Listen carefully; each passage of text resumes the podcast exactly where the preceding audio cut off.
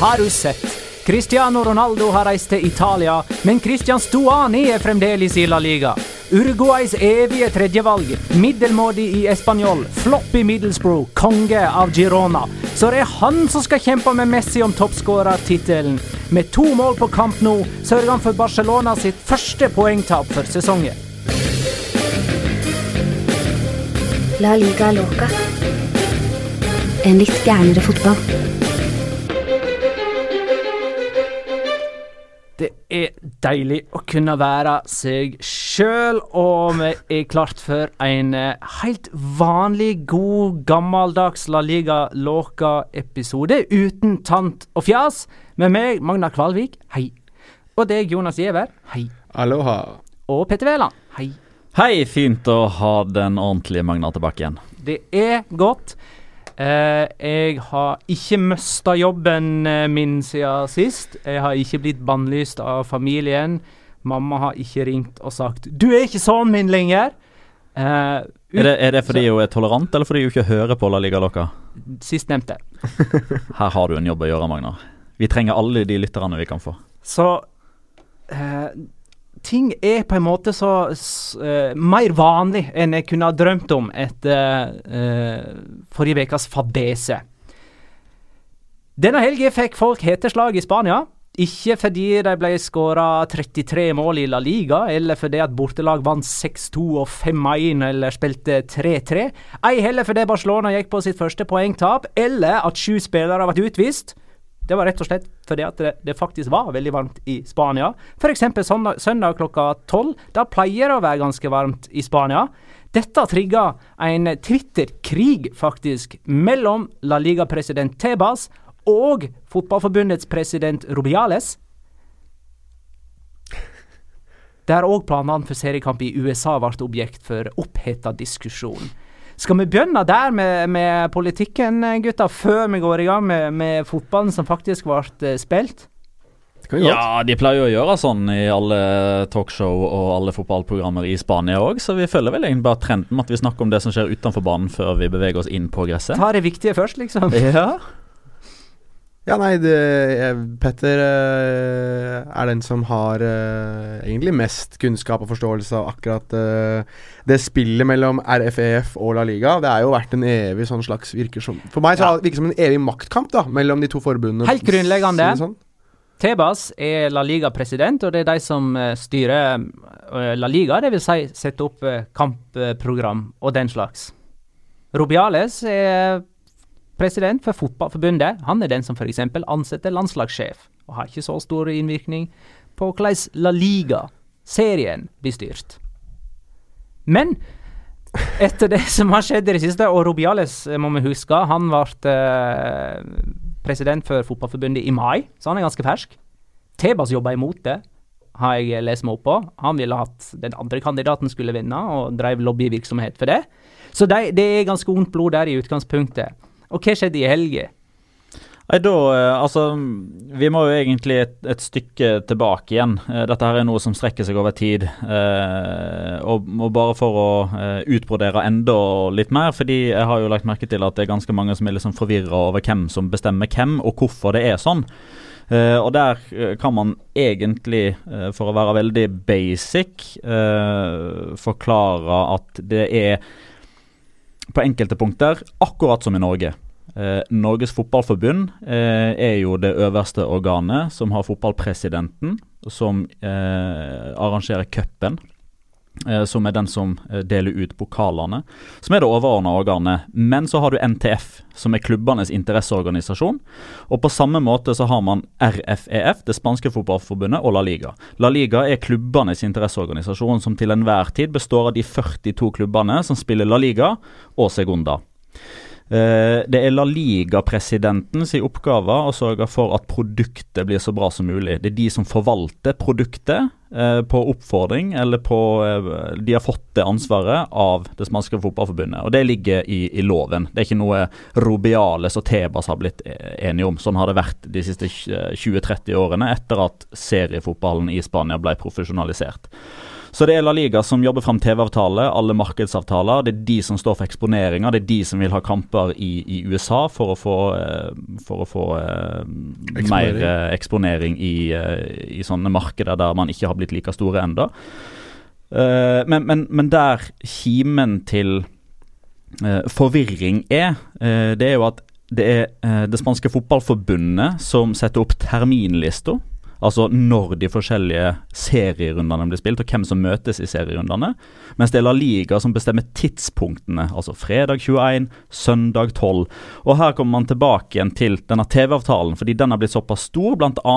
fordi man til enhver tid kan tilby minst ni forskjellige kamptidspunkter til TV-operatørene hver helg. Altså flere timer per runde med direktesendt fotball. Det betyr nødvendigvis at serierunden blir veldig strekt. Det spilles over fire dager, ni, noen ganger ti forskjellige tidspunkter. Deriblant klokka tolv på søndag og klokka ett på, eh, på lørdag. På formiddagene. På formiddagene. Eh, og der kommer vi inn på denne eh, debatten som ble veldig oppheta nå til helga. For da spilte man altså eh, på, eh, på, søndag Levante mot Sevilla i 36 varmegrader. Eh, Var det så masse? Ja. Ikke, uh, ja, OK. Altså, det, det, det, var 29 på gradestokken og på ja. det som man typ offisielt meldte, men reell temperatur, sånn som det føles Med uh, luftfuktigheten Nettopp, så er uh, Kall det reell temperatur 37. Det forholder Fotballforbundet seg til. La Liga forholder seg til 29, så de blir ikke engang enige om hvor varmt det faktisk var. Uh, Robiales har da fått tak i et bilde Eh, på sosiale medier, der ei dame ligger inne i eh, tribunekorridorene, i gangene der, og får behandling fra eh, spansk eh, Røde Kors pga. Uh, overoppheting, altså heteslag. Av to bilder. Var en, var en annen kamp òg, var det ikke det?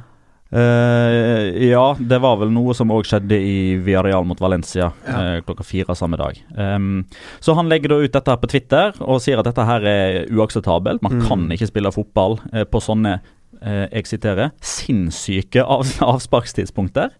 Eh, og han truer da med å ta tilbake igjen konkurransen. Altså at neste sesong, hvis ikke dette endrer seg, eh, så vil han sjøl ta eh, kontroll over seriesystemet og bestemme sjøl når kampene blir spilt. Tebas eh, går jo da som vanlig rett i skyttergraven, finner et eller annet grums på Robiales og svarer da at i august så ble det arrangert en fotballturnering for barn i regi av det spanske fotballforbundet, der det var 36 grader. Uh, og skittkasting uh, fram og, og tilbake. Og så var han uh, tidligere på dagen på et eller annet bilreise eller noe ja. sånt, med ja, 100, 114 000 tilskuere, og ingen klagde! Nei. Han snakka antagelig med alle sammen. Ja, ja. Nei, så det, og der er det en evig skittkasting der man eh, kun snakker sitt eget språk. Eh, men, men, men, det som skal sies, er jo at eh, for utenforstående så virker det jo som at forholdet mellom La Liga og det spanske fotballforbundet er kjempedårlig. Det er dårlig, men det er mye bedre nå enn hva det var før Robiales kom. Eh, men det sier enda mer om hans eh, tidligere eh, Eller han som hadde jobben før, Miguel Angel Villar. Eller Angel Maria Villar. Der, der var det krig. De, de, de, tok hverandre ikke i hendene. De så ikke på hverandre engang. I dag har, det vært, har Tebas vært ute igjen og klaga på USA. Eh, det var noen sånne lanseringsgreier og litt sånn forskjellig. Og da Blant annet har han sagt at uh, basert på hva som har blitt sagt, så høres det ut som vi skal spille hele ligaen vår i Miami. Uh, blant annet. Og hvis NBA, da, som spiller alltid én eller to kamper i Europa, hvis de kan spille i Europa, hvorfor kan ikke vi spille i USA? Uh, så det er jo, dette her er jo en kommer til å være evig, et evig tema, virker det som. I hvert fall en stund til, mellom, mellom RFF og La Liga. Og retorikken de imellom er ganske barnslig. Ja, ja, ja. Eh, altså, pappaen min er sterkere enn pappaen din. det er noe sånt. Eh, for eh, når den Twitter-feiden begynte, så ble jo begge invitert til ulike medium på radio og den slags, og satt i hvert sine studio og kommenterte hverandres kommentarer. Ja, de, de satt vel i, hos samme radiokanal, det var vel hva denne KP som snakka med begge to. Men de satt vel ikke samtidig i nei, det samme, satt ikke i samme rommet studio. nei, nei, de var i forskjellige byer. debatt. Uh, så uh, Rubialis kunne si sånne ting som Tebas kan ta Miami ut av det vesle hodet sitt. For Robiales er jo imot det å, å ha kamp i Miami, mens Tebas svarer med at Robiales bare tenker på penger, og den eneste han ikke har spurt om penger nå, er paven. Veldig bra sitater det her, da. Og, og i disse Twitter-meldingene, så for eksempel Robiales legger jo med sånn hva det blir, emoji, altså sånn eh, utropstegn, sånn røde utropstegn, flere av dem eh, på rekke. Sånn som sånn 14-åringer gjør, kanskje, Mm. når de skriver tekstmeldinger. Har sånn 15 utropstegn etter hverandre. Ender han med meldingene med LOL også, eller? Ja, det, kanskje det. Eh, ikke XOXO, Sånn iallfall. ruffel. Ruffelmao. Ruffelkopter. Ja, ja, ja. Eh, det er slett ikke sikkert at det blir noe kamp i Miami i januar. Eh, for eh, Florentino Perez er imot det.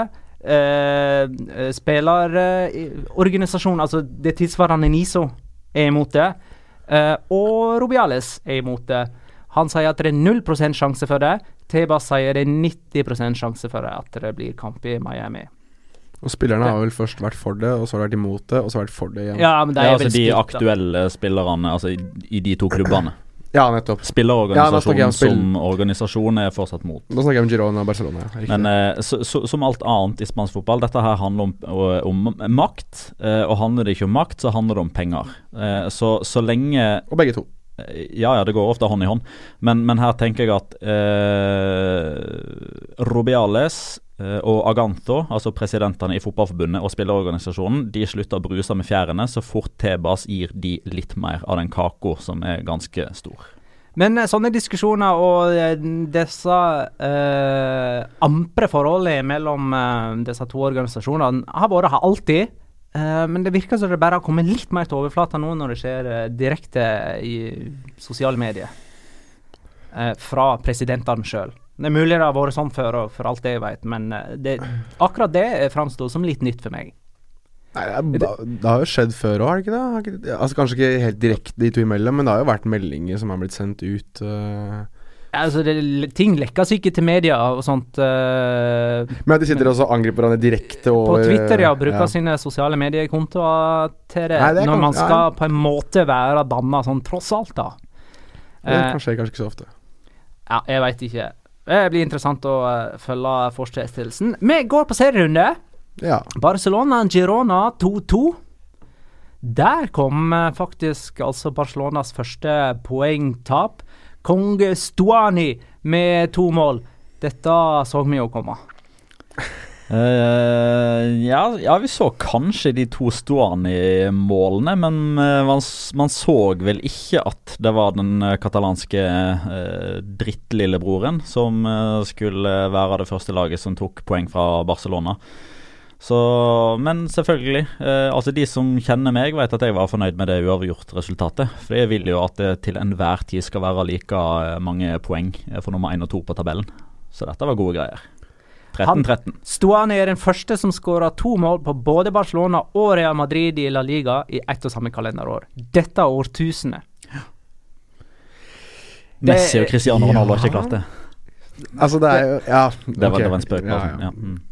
Ja, jeg tok ikke det med en gang, men det er greit. Uh, nei, jeg, jeg tenker jo uh, Jeg syns jo det er litt gøy å så leke med den der tanken med at det, den beste uruguayanske spissen i La Liga ikke lenger er Luis Suárez. Altså, det er jo Det er jo feil, men sånn Forrige sesong så var det jo Maxi Gomez. Ja, og han skåra også denne runden her. Ja, to på rad. Ja, det, uh, Luis Suárez uh, skåret ikke denne runden her. Jeg synes um, det er litt gøy, da, at det, det er litt eh, sånn uruguayansk intern spisskrig i, i La Liga. Men jeg synes jo begge de målene til, til Christian Stuani er litt sånn Stuani-eske mål. Da. Spesielt det første, hvor han Greit nok at det er ikke på hodet denne gangen her, men han kriger jo den ballen i mål, egentlig. Ja. Altså, Piquet vet ikke nesten hva som skjer, uh, verken foran eller bak På seg. det mens tidspunkt, Busquets, eh, eh, ja. Busquets ikke er der heller. Nettopp. eh, på det tidspunktet så er jo eh, Longley utvist. Ja da. Og det eh, Valverde har ikke rukket å sette innpå Umtiti, så det er Busquets som spiller midtstopper sammen med Piquet og gjør en eh, Han fikk, en liten glipp der. Han fikk faktisk spørsmål eh, av Ricardo Sierra, som er indre banereporter for uh, Movistar Plus, når de har din El Partidato, altså når de kjører A-laget som er på kamp og, og kommenterer og jobber med, med det. Han fikk spørsmål etter kampen. Uh, altså Når Clement Longley blir utvist, hva tenker du da? Uh, angrer du på at du ikke gjorde noe umiddelbart? Har du gjort deg opp noen refleksjoner rundt det? Og da svarer faktisk Valverde det at det, Ja, selvfølgelig sett i etterkant så er det veldig lett å tenke sånn, men ja. Uh, hadde uh, Lenglet blitt utvist et par minutter før, eller hadde det vært to-tre minutter igjen av uh, omgangen på det tidspunktet, så hadde han satt inn om, om til ti. Men han hadde spurt den fysiske treneren visstnok om uh, om til ti var klar. Uh, og, og, svaret tilbake var liksom sånn eh, Hvis han må inn nå, så er han klar, men da er skaderisikoen eh, 80% høyere enn hvis du ventet etter pause. For da får han ikke bare de to ekstra minuttene, men da får han et kvarter til. OK, vi venter. Bang. 1-1. Eh, det røde kortet på Langley, ja. Rasmus Jacobsen spør er det rett å bruke VAR i situasjonen med Langley. Syns det virker mer klønete enn tilsikta, det Langley gjør i situasjonen. Var det som sa det at det er første gang han har sett et rødt kort bli gitt ut, uh, der den spilleren som har blitt taklet eller har forseelsen har skjedd på, har beklaget til den spilleren uh, som har utøvd forseelsen? Mm offeret eh, beklager til synderen. Basically, for å si det mye enklere enn det jeg gjorde. Um, men eh, bare for å ta det spørsmålet. For det første så er det jo selvsagt riktig å bruke videodommer i situasjonen, for eh, han skal jo bare se på situasjonen og, og gjøre hoveddommer oppmerksom på at noe har skjedd. Eh, så spørsmålet er vel mer om eh, når Hilmatsano da springer til sidelinja og ser situasjonen, er det da riktig av han å gi rødt kort? Jeg altså, syns den er vrien, jeg skal være helt ærlig. Ja, altså, jeg, jeg skrev jo underveis på, på, på, Twitter at den kom til å bli diskutert. Eh, og da mente jeg ikke nødvendigvis for jeg syns den var feil, men pga. at den kom mot Barcelona. Altså Nå kommer det folk til å snakke veldig om dette her, fordi det handler om Barcelona. Eh, men altså, jeg registrerer eh, Rafa Guerrero, eh, Andujar Oliver og Itoralde Gonzales. Det er tre, tidligere toppdommere som jobber for henholdsvis eh, La Sexta, Cadena Cope og Marca. Det er da én TV-kanal, én radiokanal og én spansk avis. Alle tre mener at det er rødt kort. Hilman får se situasjonen på nytt og, og mener at det er rødt kort. Del Thero Grande, som er da hovedvideodommer, mener at Hilman bør se på den. Da kan ikke jeg sitte i den stolen her og si at det er feil. Og det er i tillegg det må også viktig å påpeke det at de to dommerne nevner der, det er to av de mest erfarne dommerne i La Liga også. De har vært der i en årrekke nå. Og jeg er enig i det du sier, at det er vanskelig å gå imot eh, fem ganske autoritære figurer hva angår eh, dommeravgjørelser. Um, jeg bare lurer på de, de, Om de er så klink klare på det, eller om, eller om de skjønner at det er uh, nyanser der. Uh, armen til, til Longley er jo mye høyere uh, i lufta, holdt jeg på å si. Den er, altså den er mye høyere vekk fra, lenger vekk fra kroppen enn det den kanskje burde være i situasjonen. Men er det en naturlig reaksjon på bakgrunn av situasjonen som skjer, og at han da på sett og vis er uheldig? Uh, eller gjør han det tilsiktet, på en måte? Det er, det er, der jeg sitter Det er der jeg sliter litt. Fordi ja, men... greia er at han treffer. Det er, jo, det er jo, og det i seg selv er jo rødt kort verdig. Men jeg, men jeg lurer litt på om Eksisterer det en form for skjønn der hvor dommer må tenke det, eller, eller er vi bare er, jeg skal kun ta regelboka, så er jeg helt enig at det er rødt kort. Ja, men det, det, du egentlig spør om nå, sånn som jeg tolker det eh, Eller jeg skjønner jo hvordan du spør, men jeg føler egentlig at dette svaret som jeg skal gi deg nå, det handler om han skal få én til tre kamper ja, for ja. uvåren oppførsel, og ja. han skal få fire for aggressiv. Du vet hva jeg er for noe nå, ikke sant? Ja. Spiller djevelens advokat. Ja, ja, ja, så klart. Eh, fordi eh, altså, den, den Altså, Clement Longley må ta ansvar for sin egen kropp. Det er det kun han som kan ha. Den formidlende omstendigheten her er jo at han blir grise, grisetakla av Peder Pons. Men så ser man på bildene når man slår det ned, og der, og der kommer det òg en usikkerhet inn i bildet, som selvfølgelig gjør at dette skal var inn eh, når det er typ, kall det tvilstilfeller, hvis man kan argumentere for og mot. Men albuen er den, den, er altså, den, er altså, så langt oppe at jeg kjøper ikke at det er kun pga. at han får en liten rotasjon, en liten bevegelse av at han blir takla. Altså, den er såpass høyt oppe at det ansvaret må han ta. At når han har albuen der oppe, så er konsekvensen rødt kort. Og Så er det opp til konkurransekomiteen i bakkant å vurdere, basert på TV-bilder. De henter inn forklaringer fra eh, Clement Langlais, regner jeg med. Der han jo naturligvis kommer til å bedyre sin uskyld. Og så er det de som skal avgjøre om han får én to eller tre kamper for uvøren bruk av albuen, eller om man får fire hvis de anser det som voldelig oppførsel. Jeg tror det blir en av de, at det blir én, to eller tre. Skjønner jo Clem Longley litt her, da. Altså Noen ganger så bare klør det noe inn i helvete. Kanskje spesielt rett etter at du har blitt uh, tråkka på, uh, på uh, tåa. Da klør det ordentlig i albuen. Det er midtvekerunde denne veka her, og Barcelona møter Leganes borte på onsdag. Og så har de uh, Atletic hjemme kommende lørdag. Det er seks poeng det til Barcelona, noe som betyr at de enten skaffer seg en luke til Real Madrid, eller får enda større avstand til Atletico Madrid, eller begge deler i løpet av denne veka her. For nå skal vi peile inn fokuset på Real Madrid, som har uh, et ganske så mye verre program denne veka. De slo uh, Español 1-0 uh, på lørdag, og har altså Sevilla på onsdag borte. borte. Mm på Ramón Sánchez Pijuan. Og Atletico Madrid hjemme på lørdag. Vil, der er det stor fare for at Real Madrid avgir poeng i én eller begge de kampene. Og hvis eh, de tar poenget fra Atletico, så blir jo de enda mer hekta av i uh, tittelkampen. Um, Ascencio ble matchvinner for Real Madrid, vi kan jo ta det først ja. med sin 1-0-skåring. Hans første La Liga-mål siden februar. Mm.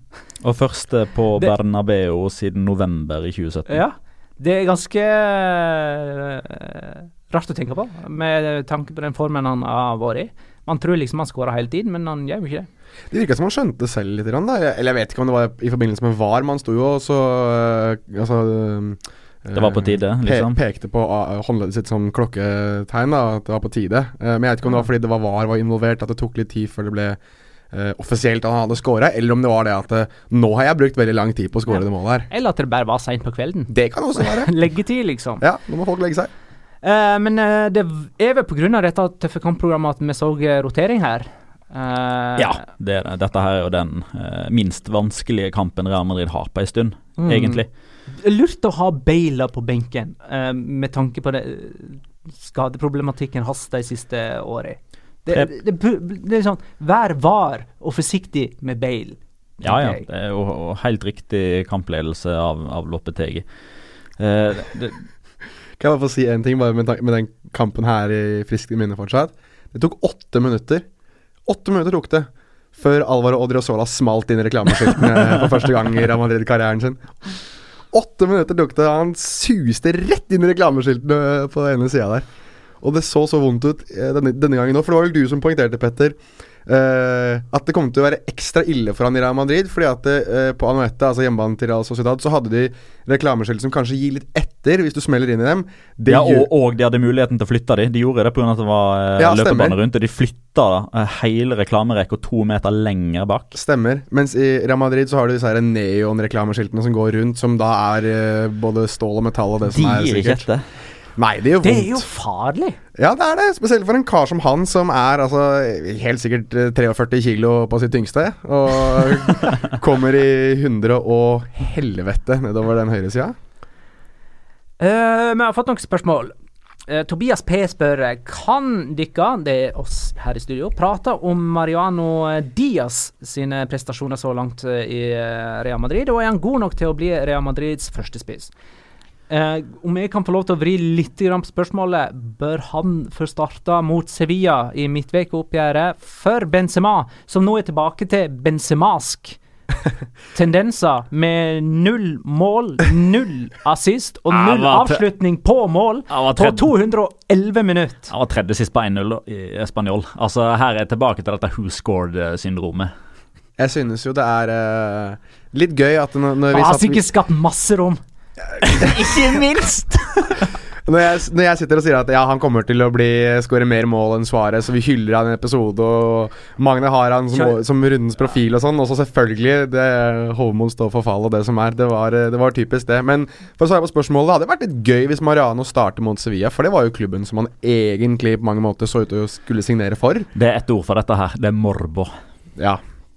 Har du lyst til å forklare morbo, Petter? Å, det er vanskelig. Prøv. Um, jeg klarer det ikke. Det, det, noe, det, ja, det, er faktisk noe uforklarlig. Men, men, kall det noe som ligger i lufta, da. Uh, før en kamp, uh, før et møte, før noe skjer. Altså Hvis det, hvis det er morbo i lufta, da er det noe som har skjedd tidligere som gjør at man, uh, man har et ekstra øye på det. og i dette tilfellet da, så er det jo det som du sier, at Mariano Diaz var mer eller mindre klar for Sevilla, hadde gitt de sitt ja. Så kom Real Madrid inn eh, rett før de hoppa over det siste hinderet på 3000 meter, fordi de hadde denne tilbakekjøpsklausulen, og så endte han der i stedet. Og det hadde vært så typisk. Det hadde vært så typisk. Så i, det, er, det ligger litt sånn oppheta spenning i Ja. lufta. Ja. Ikke bare sånn her 'dette blir spennende å se', Nei. men det er liksom det er tension ekstra. her. Ja. Liksom. Mm. ja. Tension er et ganske ok eh, Det kommer til å være masse morbo når Inigo Martinez returnerer med Real Sociedad til San Mames for første gang. Typ. Typ. Eh, Nei, eller når han returnerer til Anueta, så klart. Kjempegodt eksempel. Kjempegodt eksempel. jeg har vært satt Jeg hadde ikke lyst til å kaste deg under, under bussen helt. Sånn, Nei, men her er det bare har- å kaste under buss. Jeg er såpass gammel ja, at jeg overlever å bli overkjørt av bussen. Nei, jeg for uh, Kan ikke du forklare? Martinez hadde gått tilbake til det altså Ja, jeg begynte å lure, jeg også. Men sånn ja, Har ikke du fått med deg det? Nei, det gikk meg hus forbi. Men uh, ja, Mariano Diaz mot Sevilla, f.eks. Hviler Benzema, og så kan han komme og skape Ja, rom mot Bale Atletico tilbake i stedet. Bale er jo inne for Start igjen, så det er jo ikke sikkert at det er plass til Mariano da. Det spørs litt om de kjører 4-3-3, eller om de kjører, kjører 4-4-2, Tipper eller det blir 4-3-3. Jeg tipper at Mariano får en sjanse. I tillegg, altså Greit, ja, men må, greit ikke, må, nok ikke at du, må ikke du glemme at uh, Sevilla spiller 3-5-2, da. Ja, ja kanskje. Nei, altså uansett, jeg, jeg vil jo si Uh, Det har jo vært en Champions League-runde der også, uh, og der synes jeg Mariano hadde uh, Selv om det innhoppet var ikke så veldig lenge, men hvis vi tar til og med vekk målet hans, så synes jeg at han var veldig frisk og hadde en energi ved seg som, som det kan være bra å hive innpå også, men, men jeg lurer bare på hvordan den energien forvaltes fra start. Om han er en type angriper som i kanskje i La Liga-sammenheng er best eh, når han kan komme og påvirke kampene fra, fra benken. Altså Benzema er jo mye mer rutinert, åpenbart, eh, og egentlig også en bedre spiss enn det Mariano er. Mariano er en annen type spiss også, mer goalgetter, så kan jo være en joker fra benken. Men jeg skulle likt å se, se at de forsøker han, og se hvordan han fungerer eh, fra start. Det minner meg litt om eh, tiden med Morata i Real Madrid. dette her. Det var liksom Benzema som fikk spille mens alle ropte på Morata. Kan ikke Morata få uh, Også, sjansen? Også, og nå, er, nå er det Mariano Ja. Diaz. Så starta Morata, så var det ikke så bra, Nei, egentlig. altså, ja. det, det var liksom ikke den eh, umiddelbare det umiddelbare løftet man hadde håpa. Men han kommer ofte inn og skåra viktige mål, Morata, i den tiden.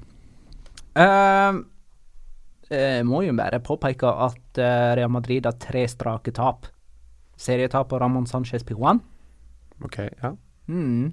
Vi satt jo og så Det det oppgjøret, eller i hvert fall slutten av det oppgjøret, på en, eh, skal vi kalle det bowlingrestaurant i Barcelona i mai. Eh, var det Barcelona? Ja, det var i Barcelona. Stemmer det. Da, Hvordan, hvordan går det med tommelen din, forresten? da gikk tommelen min uh, åt skogen. Nei, den, den er veldig bra nå, men vi måtte jo kjøpe Vi kjøpte jo faktisk isspray isspray? eh, for tommelen min. Det var litt gøy. Jeg husker dette snakker ikke om da. Ja, Den gang da. ja, nei, men eh, Det var Q til stopp.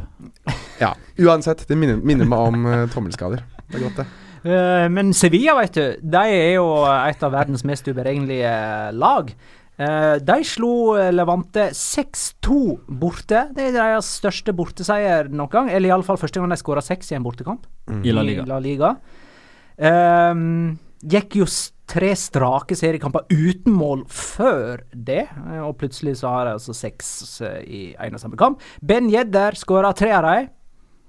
Og Isco the Dog spør Hvis han Ben Jedder, hva har du gjort som sørger for at du ikke er den klare, klare eneren på topp i Sevilla?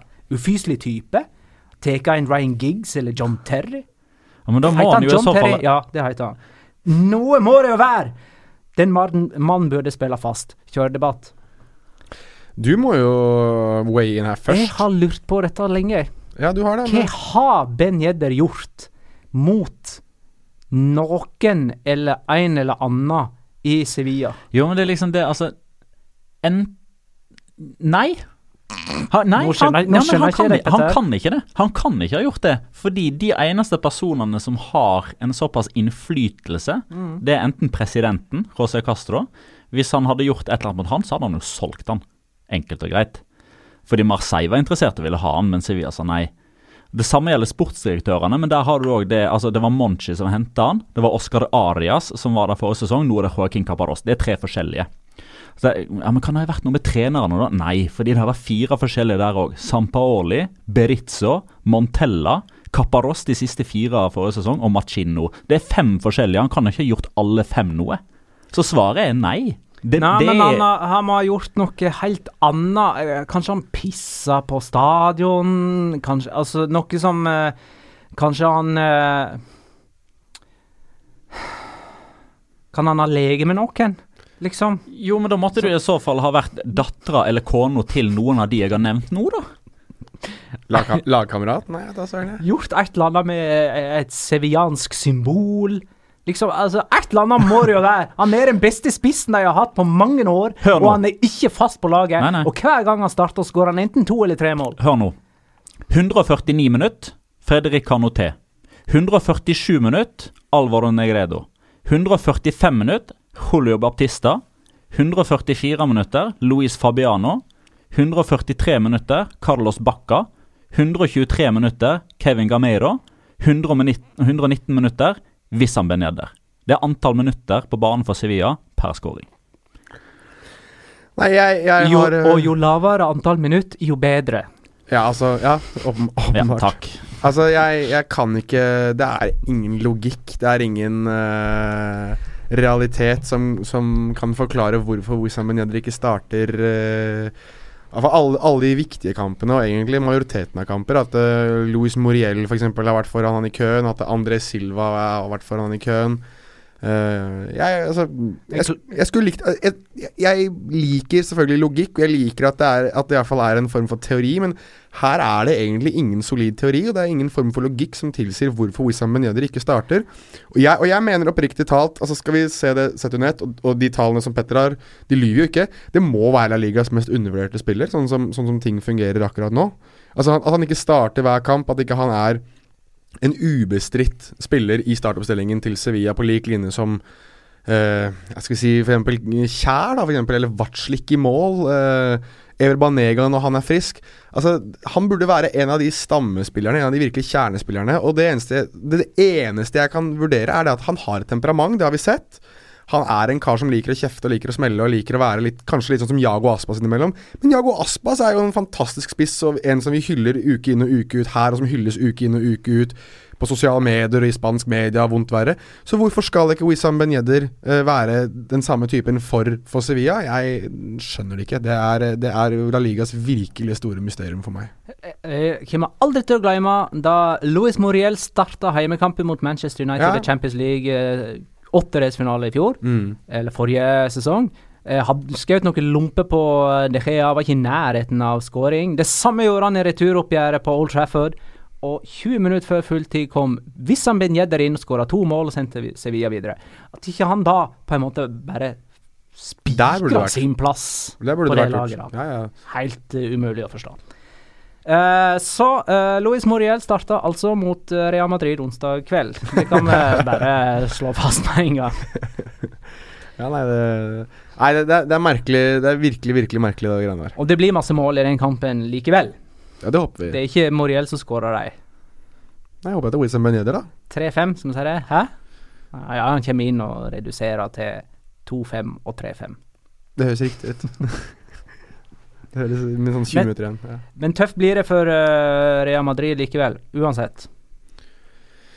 ja, altså det burde, jo, det burde jo være det. All historikk tilsier det. Altså, Palomachin hadde vel Nå husker jeg ikke helt i farta, men de slo vel Real Madrid på Montelivi. Altså Girone gjorde det i fjor. Ja, stemmer det. Ja, Det var jo 3-5-2 eh, og hele pakka. nettopp. Da snudde vel? Lå ikke de under? Ja, de lå under 0-1, og Ja. så vant de 2-1, og så endte det vel 6-3 eller noe sånt til eh, Real Madrid på, på Bernabeu. Så det, det kan i hvert fall bli gøy, da. Det, alt ligger til rette for det. 3-5 denne gangen, altså. Og den neste motstanderen etter Sevilla for eh, Real Madrid er Atletico Madrid, som nå vant, endelig må vi nesten kunne si, 2-0 borte mot uh, Getafe. Min favorittstat fra den kampen der er at uh, Atletico hadde én skåring og null avslutninger på mål i første omgang. Ja, det er helt riktig. Ja, det er ikke feil. Det er ikke feil men, det... Men Thomas LeMar, Ja, er, er han der nå, eller? Endelig så begynte han å vise seg fram. Dette har vi Mm. savna. Jeg syns jeg så litt av det i um, Uefa Supercup mot, uh, mot Real Madrid, men da tror jeg det var mer sånn at han, han var i hakket bedre modus enn de andre utpå der. Eh, han fortsatt friske beina, for han spilte ikke så veldig mye under VM, mens de har sjøltillit fordi han hadde blitt verdensmester, og han Mm. debuterte i en kamp som betydde noe. Men uh, i de andre seriekampene, nja, ikke all verdens. Fikk ikke starta mot gamleklubben Monaco forrige tirsdag. Kom inn. Du så han var ekstremt ute etter å vise seg fram. Altså Brukte altfor mange touch nesten til enhver tid fordi han skulle vise seg fram mot sin gamle klubb. Eh, men endelig, endelig så, endelig så skjedde det noe. Mm. Og det trengte de. For det hadde det ikke vært for Thomas LeMar, så tror jeg ikke de hadde vunnet den kampen her. Enkelt og greit. Han er, han er helt avgjørende. Han er tungen på vektskåla. Hans første mål. Eh, du nevnte det, eller? Ja, ja, han, han skåra jo det ett, på og plass. han framprovoserte jo Ja. selvmålet til David Soria da med et skudd i tverrleggeren fra 25 meter, som går i ryggen. Fantastisk skudd. Ja. Som uh, spretter i tverrlegger og i ryggen på keeper og i mål. Dermed selvmål. Uh, andre målet Det var et det fantastisk jo- angrep. Mm. Han får litt hjelp Han til får å litt hjelp av Bruno. keeper. Han gjør det. Mm. Assisten til Kokke ryker jo akkurat, da. Gjør han ikke det? Vent litt nå. Um, Det er jo, det er jo en touch imellom der. jo, men hvis, um, hvis Thomas LeVar Var Thomas LeMar på den først, Nei, og så Nei Tom. Bruno? Nei. Nei. Nei. Den ballen går uh, til, på en måte til en Retafe-spiller som dytter han forbi keeper. Ja, helt riktig. Det er Mm. det jeg har selv. Uh, Og da ryker assisten. Da ryker assisten. Ja. Men han min, står i Excel-arket, for vi er ikke Who Scored, vi, altså. Min nest favoritt-stat eh, på den kampen der er at Getafe nå har spilt 14 kamper på rad uten å skåre på Atletico Madrid. Det er helt vilt! Det er 21 timer med fotball uten å skåre mål.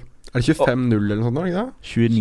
29-0. og, og 14 kamper. Og, og dette her er da altså, altså siden Diego Simione overtok. Altså kampen før Retafe Atletico Madrid 3-2. Etter det så har ikke Retafe skåra på Atletico Madrid. Altså det er helt absurd. Men det er fremdeles den dårligste sesongstarten til Atletico under Simione. Åtte poeng eh, etter fem kamper. Mm. Merka meg at alle de fire første sesongstartene til Simione var bedre enn de tre siste. Og han har sju sesongstarter. Ja, ja. Eh, Den sesongstarten i 17-18 eh, var poengmessig like god som den i 14-15, men uh, de har kla liksom ikke klart å komme opp på det samme nivået som på de fire første sesongene. Hvordan, uh, hvordan ligger 13-14 Har du jeg vet ikke om du har Den ligger der uh, tror jeg jaggu hadde 15 poeng, altså. Ja, altså do, hva, hva, hva var det de sto på nå, sa du? Åtte. ja, så de har do nesten dobbelt så mye, da. Ja, jeg Det- mener jeg husker de vant alle de fem første da, men det skal være forsiktig med å si det. Det var da det året for de som ikke Det året de vant La Liga. Mm. De møter, altså Atletico møter Uesca på onsdag, og får jo i, i eh, så måte en eh, litt mindre, i teorien iallfall, mindre anstrengende kveld enn det Real Madrid gjør eh, de få dagene før Derby Madrileño. Jeg føler før å nevne at Atletico Madrid og Real Madrid har møttes 22 ganger på de siste fire og et halvt årene. Det er ufattelig mye. Og nå har de tre siste endt gjort vel? Iallfall etter 90 minutter. Kan stemme det? Uh, vi har begge ligaoppgjør forrige sesong endte iallfall uavgjort. Og så var det uavgjort etter 90 minutter i supercupen her uh, nylig. Ja. Hva tror vi om uh, El Derby Madrileño, da, gutta? Tror vi at Atletico er der de skal være nå? Én kamp er vel ikke nok? På en måte å overbevise oss. Blir vel uavgjort, da. Så, Ja, 1-1. Er det liksom Er vi på den klassiske Det pleier jo å være sånn at laget som går seirende ut av El Derbi Madrileño, det er Barcelona. Ja, ikke Oi. sant? Og det var jeg vel litt inne på her i stad, Mm. mener jeg. Nei, men jeg Skal jeg være helt ærlig, så tror jeg at uh, Real Madrid vinner det, faktisk. Uh, rett og slett fordi at jeg har latt meg imponere veldig av, uh, av Real Madrid denne serieåpningen her, og, og sånn som de har framstått egentlig som mer samlet og som et lag i større grad enn det de gjorde kanskje under Cristiano Ronaldo. Jeg synes eh, eh, det er interessant å se, eh, og all honnør til Real Madrid som har tatt til seg det systemet som Lopetegi står for. Altså eh, større ballinnehav, at de skal bruke ballen mer eh, bevisst. At eh, tempoet skal være høyere, ball possession skal være høyere. Eh, enkeltspillere står kanskje ikke like mye fram som de gjorde under, under Zidane.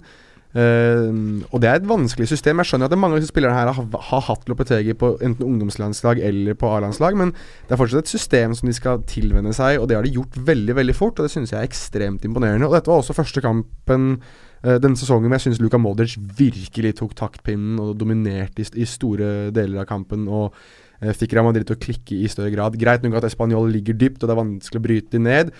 Men, uh, men Modric, uh, for første gang denne sesongen, synes jeg, var virkelig, virkelig stor den kampen her. Så, summa summarum, er at jeg tror uh, Real Madrid kommer til å ha Uh, ballinnehav, selvfølgelig, og, og, kommer til å dominere banespill i stor grad mot Atletico Madrid. Det er kanskje ventet av Atletico Madrid også, men, men jeg synes det er en sånn mangel på soliditet da i Atletico Madrid tidligere denne sesongen her. Jeg vet ikke om det er det at de har litt sånn growing pains uh, med tanke på alle de nye kjøpene, og på det at forventningene kanskje er litt høyere enn vanlig med tanke på at Champions League-finalen er på Wanda Metropolitano, og alt det de tenker rundt det. Uh, men jeg føler at Real Madrid har en liten edge, og jeg tror de tar det spesielt når de er på hjemmebane også. Mm. Ja, vi men for så. Jeg, jeg, har en sånn følelse av at Atletico løfta seg til de større anledningene, de større motstanderne, enn f.eks. Eh, når de møter Uesca. Det er en sånn typisk kamp de kan spille 1-1 i. OK, vi får se. Ikke for andre hjemmekamper. Nei, det er det, da. Det skal ikke gå an. Altså, det, det, er det som har vært typisk Atletico de siste par årene. Men du vet det er Aksel Werner som er på lån fra Atletico Madrid, som vanligvis er førstekeeperen til Oesca, som regner med at det er Roberto Santa Maria som, eh, som får stå. Uh, jeg husker han har én eller to kamper i La Liga for sånn seks-sju år siden tilbake. Så banens beste, Roberto Santa Maria. Uesca, vet du, de har uh, spilt fem kamper. Tre på bortebane, som har endt uavgjort. To på hjemmebane, som har endt med tap. Så uavgjort Nei, Uesca vant mot Eibar, den aller første. Vant ja, de vant den! Hvem er det jeg blanda med da? Jeg blanda med et annet lag. Du blanda med uh, Valladolid. Valladolid er det. Mm. Ja, da blanda jeg. Så da stryker vi bare den uh, som fjas. Uh, Via Real Valencia det er for øvrig sånn du korrigerer folk uten å kaste dem under bussen. Uh, via Real Valencia 0-0. Valencia fikk kaptein Parejo utvist etter 60 minutter. Det utnytta Real godt nok til å sikre seg ett uh, poeng, mens den tunge sesongstarten til Valencia holder fram. det var litt festlig, da. Ja. Uh, dette er den kampen vi har fått flest spørsmål om. Det er jo en del Valencia-supportere som uh, følger oss og er uh, ivrige. Men Eirik Strøm Pedersen Hva skal man si Han beordrer oss til å snakke om Parejo, da. Som vi får nesten snakke om. Valencia-kaptein Parejo, som får mye tyn om dagen. Det Eirik skrev uh, her om dagen til meg, var Jeg syns det er mange minutter mellom hver gang Parejo foretar seg noe briljant, eller som tipper kampen i Valencia sitt, uh, sin favør. Jeg syns derimot det er færre minutter mellom hver gang han er innblanda i noe som fører til farlige kontringer for motstanderen. I tillegg virker det som Parejo har sine perioder der han dropper ned til et nivå som ikke ligner grisen. Det kan virke som han er i en slik periode nå.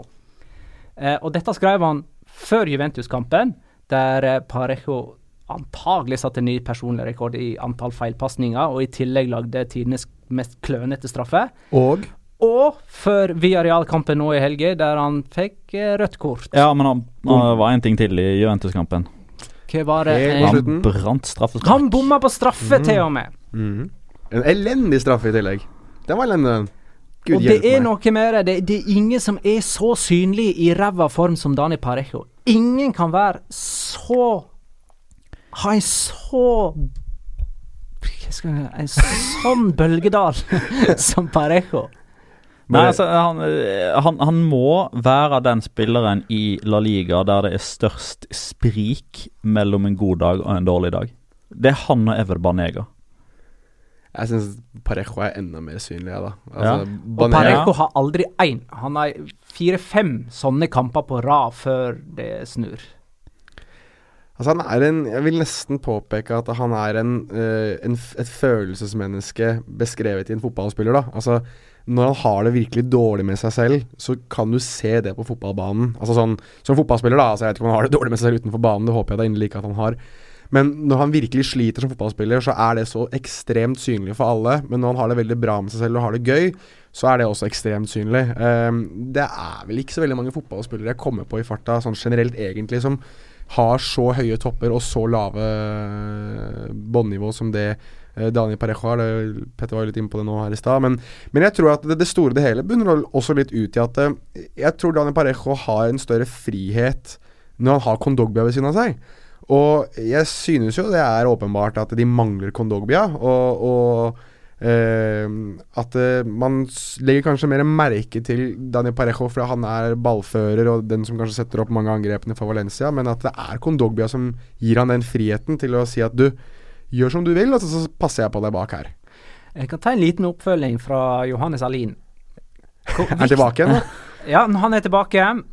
Han har gravd seg opp av hiet og ja. deltar igjen. Han, han, altså han svelger jo tydeligvis nedturene nå, da. Han kommer seg over det. For det, det, Valencia har ikke blitt noe bedre siden sist. Hvor viktig er det med karakter og sterkt lederskap i tøffe tider? Tenker på lagkaptein Parejo og trener Marcelino, som begge blir utvist mot Villarreal. For Marcelino ble jo sendt på tribunen. Ja, Er det Robin Oria da som skal snu eh, skuta for uh, Ja, men altså, han, han, han jeg så Våro der og er oppe ja, Våro er jo for, del, fortsatt kampdelegat, tror jeg, så han er jo med på borte, bortekampen Ja. Men uh, altså, Robin Oria er jo den assistenttreneren i La Liga som har leda laget fra sidelinja flest ganger. Ja, for Marcelino har blitt utvist ni ganger. Er det Borgo Burgos Diego Simeone har blitt utvist fem, sånn Ok. til sammenligning. Okay, men det er for uh, forskjellige klubber. Um, Ja, ja. Marcelino, eh, via det, Real, det er vel tredje gangen i Valencia, tror jeg. Ja, det er det. Stemmer Ja. det. Han to i fjor. Ja, han er ganske ram på det og, der, og, det, altså. og, det, og det var jo ikke det at han Det var ikke sånn at han klikka. Eller Han at han var kakil. Ja, ja, jo, men det er nettopp det. Altså, Produser uh, filma jo dette og viste det ikke bare én gang, men tre ganger. Det var ikke noe sånn der uh, i kampens hete eller et raserianfall. Det var noen rolige eh, dog ikke velvalgte ord, der han holder eh, munnen holder hendene foran munnen for at man ikke skal se det. Eh, problemet er jo at dette kameraet er liksom fra sida, så han dekker ikke munnen i det hele tatt eh, på dette bildet her.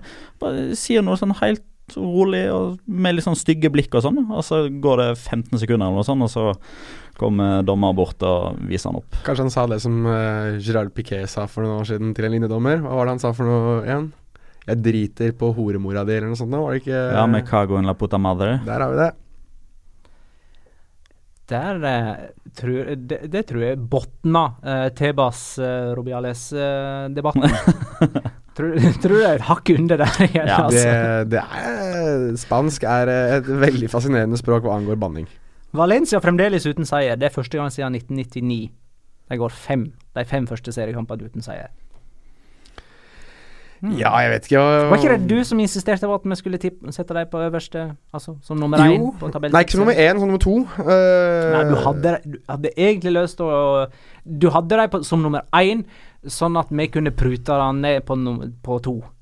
Jeg lekte med tanken på å i hvert fall ha dem som én eller to, ja. Det hadde jeg. Det gjorde jeg. Men jeg endte med, med å si, si med meg selv par, gå et par runder, og da finne en form for realisme som tilsa at ingenting kom til å eh, slå Barcelona. Eh, men eh, Men nei da, jeg hadde, de- jeg hadde de veldig, veldig høyt. Jeg må jo justere meg kraftig ned nå. Men altså Tradisjonen tro, så har jo nå Valencia gått en del kamper uten å vinne. Det er Ja, jo åtte tap på rad Eva. var tro. tru. ja, det ikke så langt ifra det her. Det virker ikke Det er ikke lovende takter, det her. Men jeg synes jo strengt tatt at eh, Altså Kampen sett under ett, da, så hadde, man, hadde du spurt meg før sesongen om å ta ett poeng på La Ceramica mot, mot uh, Villarreal, så hadde jeg tatt det som Mm. hvis, Som, som Valencia-fan, altså, så hadde jeg tatt det og sagt at det er greit, men Men det var uten å vite at Valen eh, Villarreal var jo òg i ræva form. Nei, men det, altså, jeg synes uansett det, det er en av de vanskeligere stadionene å, å dra til, uansett hvilket lag du er. Uh, jeg syns at ett poeng der er bra. og uh, med sett under at når også kapteinen utvises, og du må spille med en mann mindre, så, så syns jeg det er et godt resultat. Men, men, selvfølgelig, det forsvinner jo, eller koker litt bort i det at Valencia har vært ekstremt dårlige, og i tillegg også kommer fra en kamp der de der de faktisk hadde en mann mer i, i godt og vel en omgang mot Juventus og slipper inn to. Eh, og egentlig rett og slett er ekstremt ræva der også. De fikk i alle fall en demonstrasjon på hvor langt unna det øverste nivået de er mot uh, Juventus. Der de slapp inn to mål etter at Cristiano Ronaldo ble uh, utvist. Mm. Altså, det, er, det, er en sånn, det er sånn befestelse, en bekreftelse på at de er langt ja. unna nivået. Men hva er spissparet der? Det er det jeg lurer på. Altså, Hva er egentlig spissparet til Valencia? Altså, Er det Rodrigo Bachuay? Er det Bachuay og Gameiro? Er det Santimina og Rodrigo? Er det eh, Gameiro og Santimina? Er det Bachuay og Santimina? Hvem er det? Hvem skal spille fra start? Hvem er det som egentlig skal skåre målene? I fjor var det klart. Sasa Rodrigo. Det var de to som starta. Og så hvis en av de var, var sliten, eller sånt, så spilte Santimina og hadde gode perioder. Og Så var dessverre han litt skada også, men da kom også Sasa inn igjen. Nå er det bare, det er bare tull, bare tøv og fjas. Altså, det er ikke umulig å sette opp det laget. Ja, det er kjempe altså, Det er suverene spillere, enkeltspillere, alle sammen som jeg nevner her, synes jeg. Men det er null organisering. De virker som om de ikke har noe kjemi. Og det er ikke noe energi uh, der foran. Altså, jeg, nei, jeg er ekstremt skuffa over uh, uh, det de har fått ut av de spillerne de har hentet inn. Det er, jeg, jeg kan ikke huske noe dårligere sånn Valencia-messig. Og da jo, jeg kan faktisk det, men uh, dette er dårlig, det kan jeg si. Petter, du skal få eh, svare kjapt på et spørsmål fra Alexander Larsen. Er mm. Havi Kaeha rett mann eh, til å få ut potensialet i Viareal-laget? Nei. Eh, Larsen mener at eh, laget ser bedre ut enn på lenge, på papiret. Ja, på papiret så, så, så er jeg helt enig i det. Uh, og problemet uh, Altså jeg liker jo Javier Calleja sånn i utgangspunktet. Eh, alle vet at jeg er Viareal-supporter, og Calleja var en av de som, eh, som, var i troppen da når jeg falt for, uh, for, klubben på begynnelsen og midten av 2000-tallet. Så han, han vil liksom alltid ha en spesiell plass i supporterhjertet mitt, men uh, når jeg har på den andre hatten, så ser jeg jo at her er det et uforløst potensial som ikke kommer ut. De har tatt uh, fem poeng på fem kamper, skåra to mål. Klarer ikke engang å slå, å slå Rangers i Europa League når de spiller Europacup for første gang på ti år, eller hva det er for noe. Steven Gerrard, vet du. Steven, taktisk geni. Ja ja, bevares. uh, ja, uh, men mm, Samtidig så er jeg litt usikker på hvor mye som er hans uh, skyld direkte, og hvor mye av skylda som skal deles uh, med og på uh, Fernando Roge, henholdsvis Alfonso og Negroles, som er far og sønn, president og sportsdirektør. fordi det er jo de som som òg er med på å gjøre enkelte avgjørelser, bl.a. å leie Denis Cedicev ut til Valencia. Eh, naborival og konkurrent om plasser på tabellen, samtidig som de selger Roberto Soriano. Samtidig som de selger Samu Castilleja. Altså det er nesten ikke kantspillere igjen. Det er nesten ikke bredde igjen i angrepet. Uh, og Det er det flere andre som òg har påpekt, spesielt på Twitter. og For hver kamp jeg ser de, så tenker jeg mer eh, i samme bane. Fordi det man må gjøre for å kompensere det, det er enten så må Mario Gaspar på høyre, eller Costa eller Pedrata, avhengig av hvem som spiller på venstre. De må gå enda høyere i banen for at det skal være noe bredde i utgangspunktet. Da blir man eh, sårbar på overganger imot, fordi man har ikke raske stoppere. Man har Fones Mori, man har Alvaro Gonzales, Victor Ruiz og Daniele Bonera. Det er ingen av, ingen av de som er spesielt raske. En annen konsekvens er at enten så er det Bakka eller Ekambi eller Gerard Moreno, eh, to av de tre som starter der, blir veldig breie. De må ut og hente ballen, men når alle de tre er klart best når de ligger og pusher på offside-grensa inne sentralt.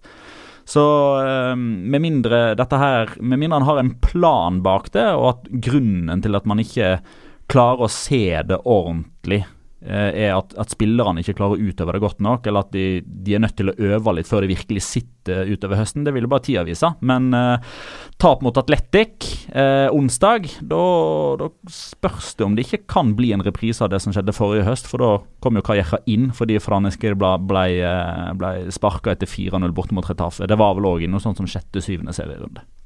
Det er inne i en sånn type eh, sirkelgang. Det, det kommer til å skje år etter år etter år nå. Eh,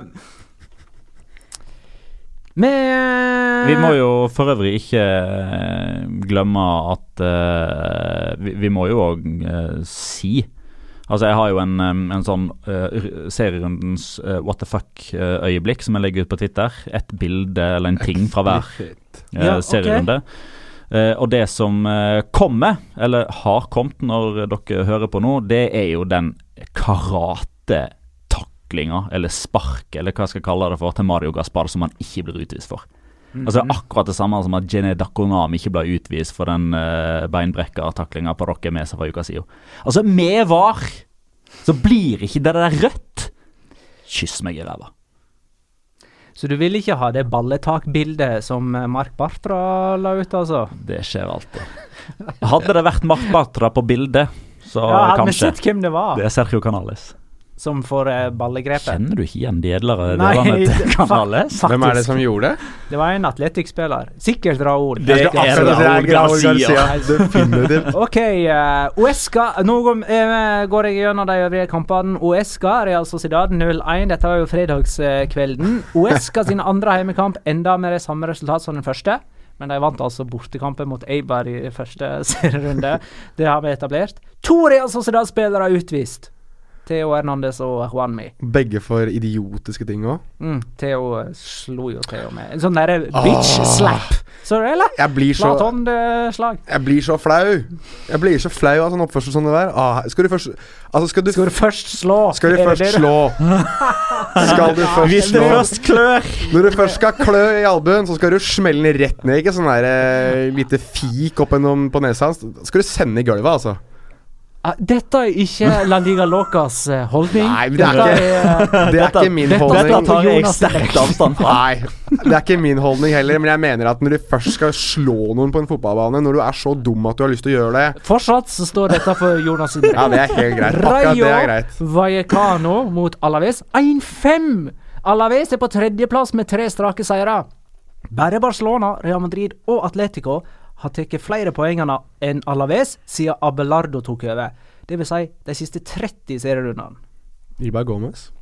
Ibai Gomez er i kanonform. Han treffer mål hver gang han skyter, han. Om det er med høyre eller venstre, og om det er 30 meter eller 25. Det var en eh, Jeg husker ikke helt når i kampen det var. Jeg tror det var i andre omgang, og jeg tror Ba allerede var utvist.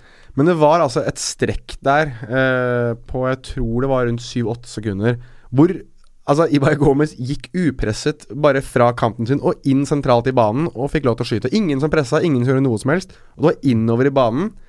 Og jeg satt og tenkte, hvis det er der Rayo Vallecano setter uh, forsvarslista si, hvor du bare kan ha han som har vært mest giftig og mest målfarlig hele kampen, få lov til å bare egentlig eh, spankulere inn eh, sentralt og skyte, da har du ikke lyst til å spille ligafotball neste sesong, altså.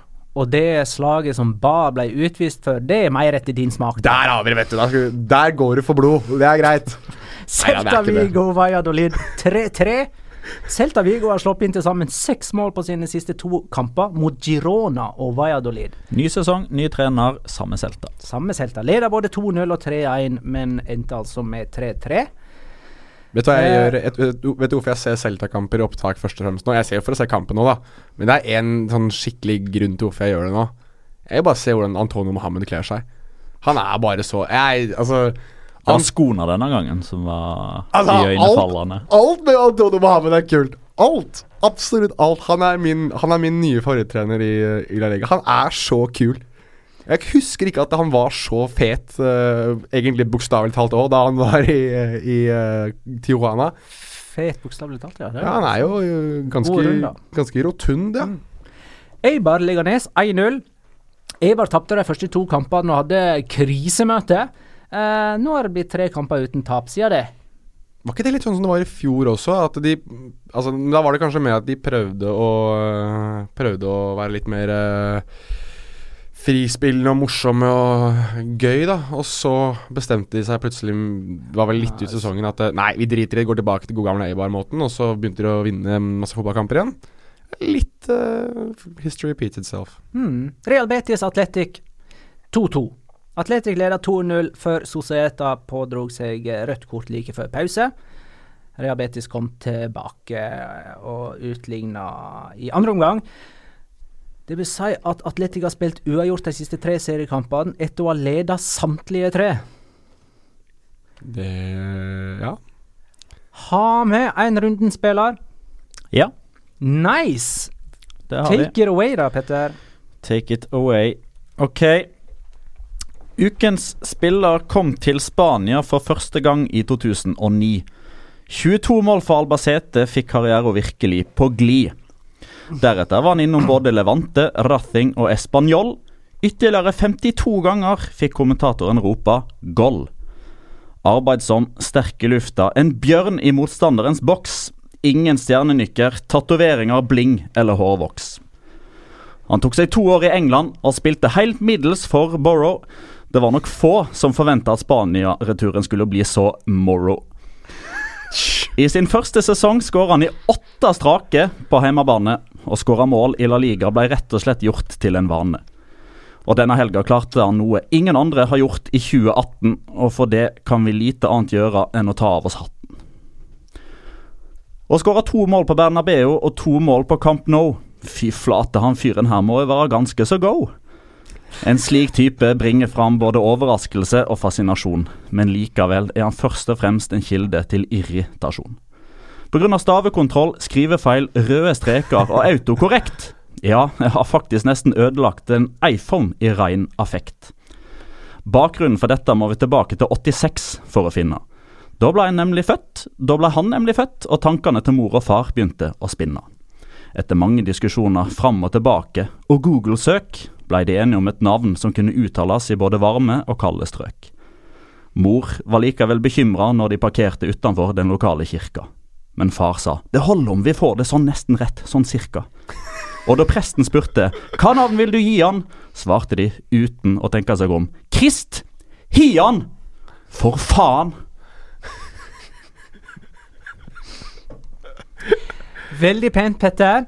Kristian Stoani der, altså. Og eh, det er Kristian Stoani, og det skrives altså Krist Hian.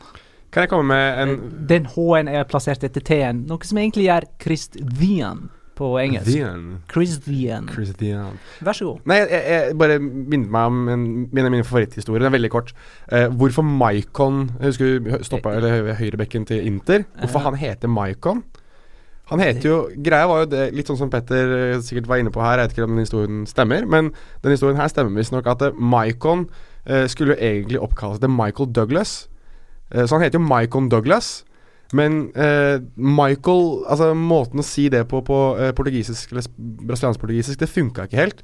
Så de, de visste ikke helt hvordan de skulle stave det eller si det, så de endte opp med at Maikon var det som var nærmest, da. Så da ble det Maikon Douglas. Så det Maikon Douglas Cicinando er navnet på Maikon. Herlig.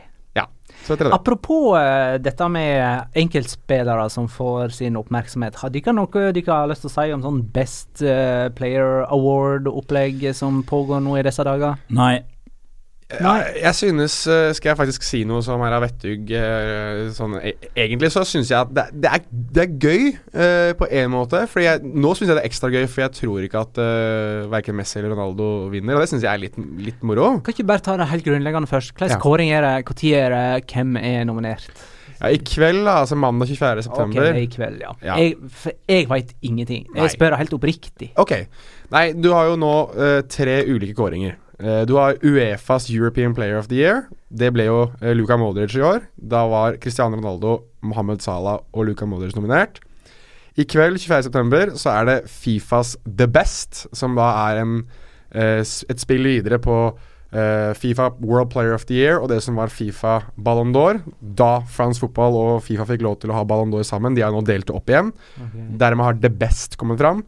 Eh, igjen så er det Cristiano Ronaldo, Mohammed Salah og Luka Modric som er nominert. Det ser ut til at det blir Luka Modric som vinner igjen.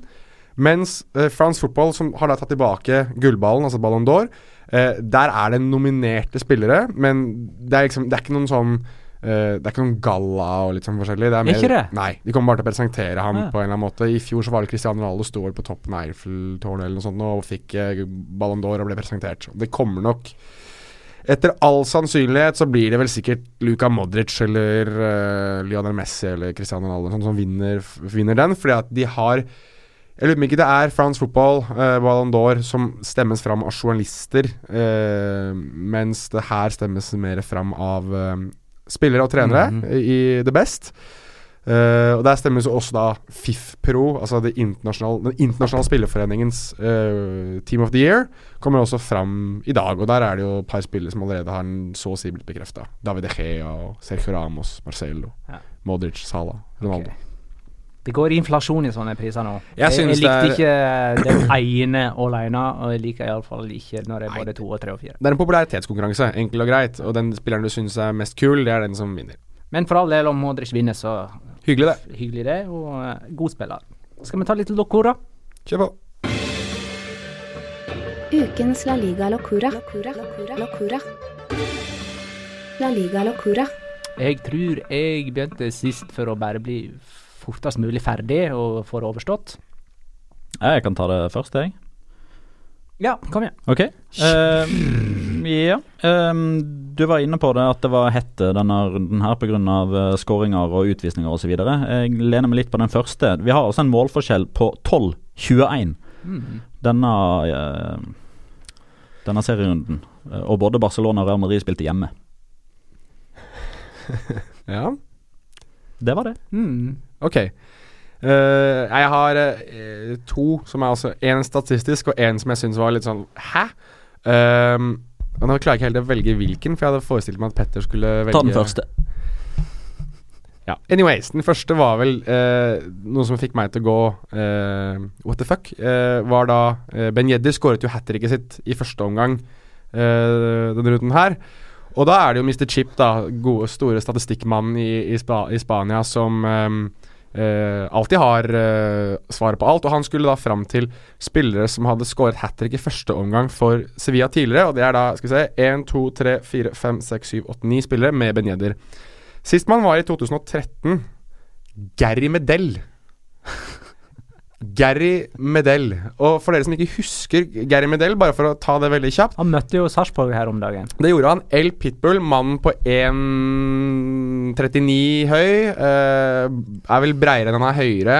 Uh, et vandrende gult kort, og spilt midtstopper mye for Chile. Uh, altså, han skårer ikke i mål, enkelt og greit. Men nei da, han har tydeligvis et hat trick for Sevilla, så jeg spurte da Mr. Chip om dette, for hadde, han hadde et hat trick. Som Chile-supporter så hadde jeg visst det. Uh, men nei da, han har skåret to mål i, i en kamp, uh, og eh, hadde også da To mål, og så hadde han siste touchen med hånda på et skudd Rakitic hadde hatt. Og litt sånn som La Liga gir jo det målet til Rakitic. Ja. Mens det egentlig da skal være Medel. Litt sånn som skåringen til Det- det er Piquet Mr. svares. La Liga gir det til Rakitic, uh, mens uh, Mr. Chip gir det til Medel. Ja, og jeg tror vi kan nesten være litt enige her om at eh, Mr. Chip er som regel litt mer påpasselig med slikt enn det en del av liga er. Uh, litt fordi at han ser ikke på dette som en popularitetskonkurranse i lik, eh, på lik linje. Eh, men eh, jeg vil også bare skyte inn for det, for det litt visuelle. eh, så vil jeg bare også um, si det at eh, jeg satt jo og så på uh, Raja Vallecano mot eh, Alaves, og Den, den kan jeg ta. Ta den, da! Er det det med tribunen? eh, Nei? Å, nei, nei. nei, ok, jeg- da kan du få ta den sjøl. Raúl de Tomàs Ja, okay. uh, er jo en spiller som vi sikkert blir veldig godt kjent med denne sesongen her, tror jeg. Uh, utlånt fra Real Madrid. Han spiller Altså, med navnet på ryggen hans er RDT. Det står ikke De Tomas, det står ikke Raúl de Tomas, det står ikke Raúl. Det står RDT. Og Og du tenker RTL, du. Nei, jeg gjør egentlig ikke det. Nei, jeg tenker ikke RTL. Uh, men jeg synes det er noe tacky og noe jævlig harry over å spille med RDT på ryggen. Uh, det er greit nok at uh, du kanskje har lyst til å ha hele navnet ditt. Altså David Villa hadde hele navnet sitt, Marcos Rojo hadde hele navnet sitt. Eh, flere spillere i La Liga som har det, og har hatt det. Eh, men RDT Nei. Det er jo uh, man, man skulle jo tro at de, altså, han er den eneste som spiller med initialer på ryggen. Uh, og, Det da, er kleint. ja, og, da, og da kan man liksom tenke seg OK, uh, hva har skjedd her? Altså for for, altså, det, det er jo mer, altså Han forsøker å skape en merkevare her, men Eh, jo, jo, men RDT. Jo, faen, ja, ja. ja, ja. CR7, RDT, uh, AG7. Man hadde aldri spilt med CR og så syvtall for Emil Cristiano Ronaldo. Nei, nei, med, men, ja, men, men grunn, grunnen til at uh, Raúl de Tomas har gjort dette her For han, uh, altså Vi vet jo at eh, Joaquin har søkt formelt eh, til La Liga om å få spille med Julio bakpå. Har han søkt formelt om det? Ja, okay. og han har ikke fått lov. Fordi han heter ikke Julio. Eh, det står i reglementet at du kan kun ha eh, navn som du typ eier sjøl, altså må stå i passet ditt. Eh, men de tillater òg initialer. Altså man, hus man husker Goti spilte med Goti Hath. HAZ, Ja, ja. som var initialene til Korno og de to barna, hvis jeg ikke husker helt feil. Eh, det står derimot ikke spesifikt i reglementet at du må ha at, at du må ha ditt eget navn. Det står ikke. Det står bare at du ikke har lov til å kun ha eh, Eller det, det står at du har lov til å ha initialer, eller så må du bruke ditt vanlige navn. Det står ikke der at du, at du må må ha det, og da mener Raoul de Tamas at de, de kan ikke ta han på, så han har bedt da eh, Rayo Khan om å trykke drakta med RDT, fordi det ikke står noe som helst sted i regelverket at det ikke er lov. Det er kleint. Det er kleint. Men eh, Den eneste som har kortere i La Liga bakpå. Ba. Mm. Og det er jo faktisk etternavnet. Ja, stemmer. Men eh, eh, vi var jo alle glade da Rayo Vallecano rykka opp igjen eh, forrige sesong. Ja da. Eh, for det er godt å ha dem i La Liga, blant annet pga. fansen deres. Uh, og nå var det jo sånn at uh, deres forrige heimekamp ble utsatt mot Atletic fordi at uh, det var ikke trygge nok uh, tribuner. Eh, og det har jo, en video har jo gått eh, viralt der eh, fem arbeidere står på bortefeltet Ja! på tribunen og hopper for å teste at uh, tribunen er fiksa. Uh, og de konkluderte med at det var tribunen, de var i orden, og nå kunne vi spille kamp igjen. Og da møter altså Rayo Vallecano-fansen opp i sånn arbeider-outfit. sånn gule jakke med refleksstripe på, og har med seg oppblåsbare hamre og andre lekeverktøy. Klare til å reparere tribunen i tilfelle det ikke skulle være helt fiksa likevel. Deilig. De har humoren på plass. De eh, får min eh, locora. Selv om det galneste av det galne kanskje denne helga var Twitter-feuden mellom eh, de to presidentene. Eh, men det har vi nå dekka behørig. Vi må kanskje også- bare nevne, siden det er en form for locora, hvor mange røde kort det var. eh, Har ikke vi nevnt det? Nei, vi har ikke det. det Sju. Sju på ti kamper. Eh, jeg- det er ikke så lenge siden det var noe likt, vel, Petter? På en hel runde. Runde 25 eller 26 i 13-14 eller 14-15. Så det er jo ikke, så det er ikke helt unikt, men samtidig det er ganske vansinnet at det skal være så mange røde kort i en serierunde. Uh, Midtvekerunden starta allerede tirsdag med Espanol Eibar, Real Sociedad, Rayo Vallecano og Atletico Madrid og Esca. Ah, det er tirsdag faktisk Atletico spiller. Tror det var onsdag. Eh, og så er jo eh, kremkampen uh, i midtvekerunden Sevilla-Real Madrid. Det er onsdag kveld klokka 22. Men samme kvelden så er det Atletic Villarreal og Valencia Celta Vigo og Leganes Barcelona. Så uh, onsdagen setter vi av til fotball. Det gjør vi. Jeg håper at eh, folk har likt denne episoden her bedre enn eh, den forrige. Erlend Solberg var ikke imponert forrige uke. Utrolig svak episode. Hørte på første fem minutter før jeg skrudde av. Jeg hørte jeg holdt på da. Han har holdt fem minutter, da. Han har holdt fem minutter. Og så er det kanskje litt vanskelig å bedømme de neste 55 når du skrur av. da. Jeg la veldig merke til Jeg synes, bare, bare for å ha sagt Nå sitter jeg og ser på opptakeren her, og nå er vi én time og 13 minutter der.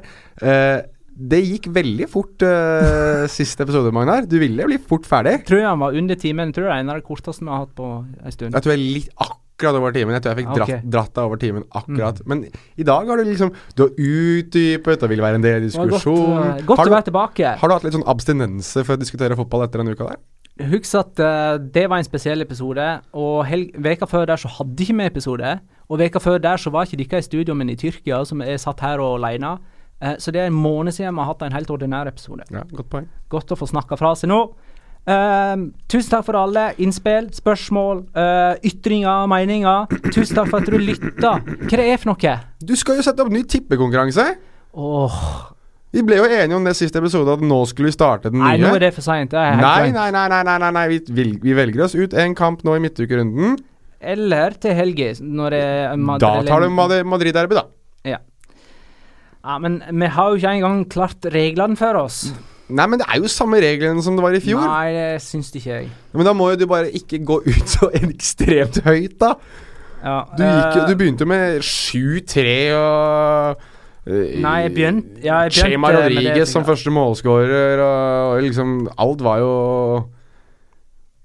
Jeg sier 1-1 og Karim Benzema. flott. Petter?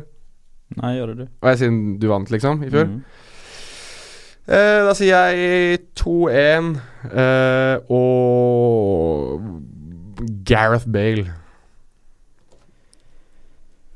Eh, Og- eh, to- eh, 2-1 til Atletico. Nei, Nei, det er på eh, Ja, ja, ja. Santiago Bernabeu. Ja, ja, ja, ja. Jeg sa at jeg tror de vinner. Um, jeg tror det blir eh, 1-1, og første målskårer blir Sergio Ramos. Hva er det du som er på midtstopper-crazen? Straffespark, da, med andre ord. Vel, eh, med hodet på dødball.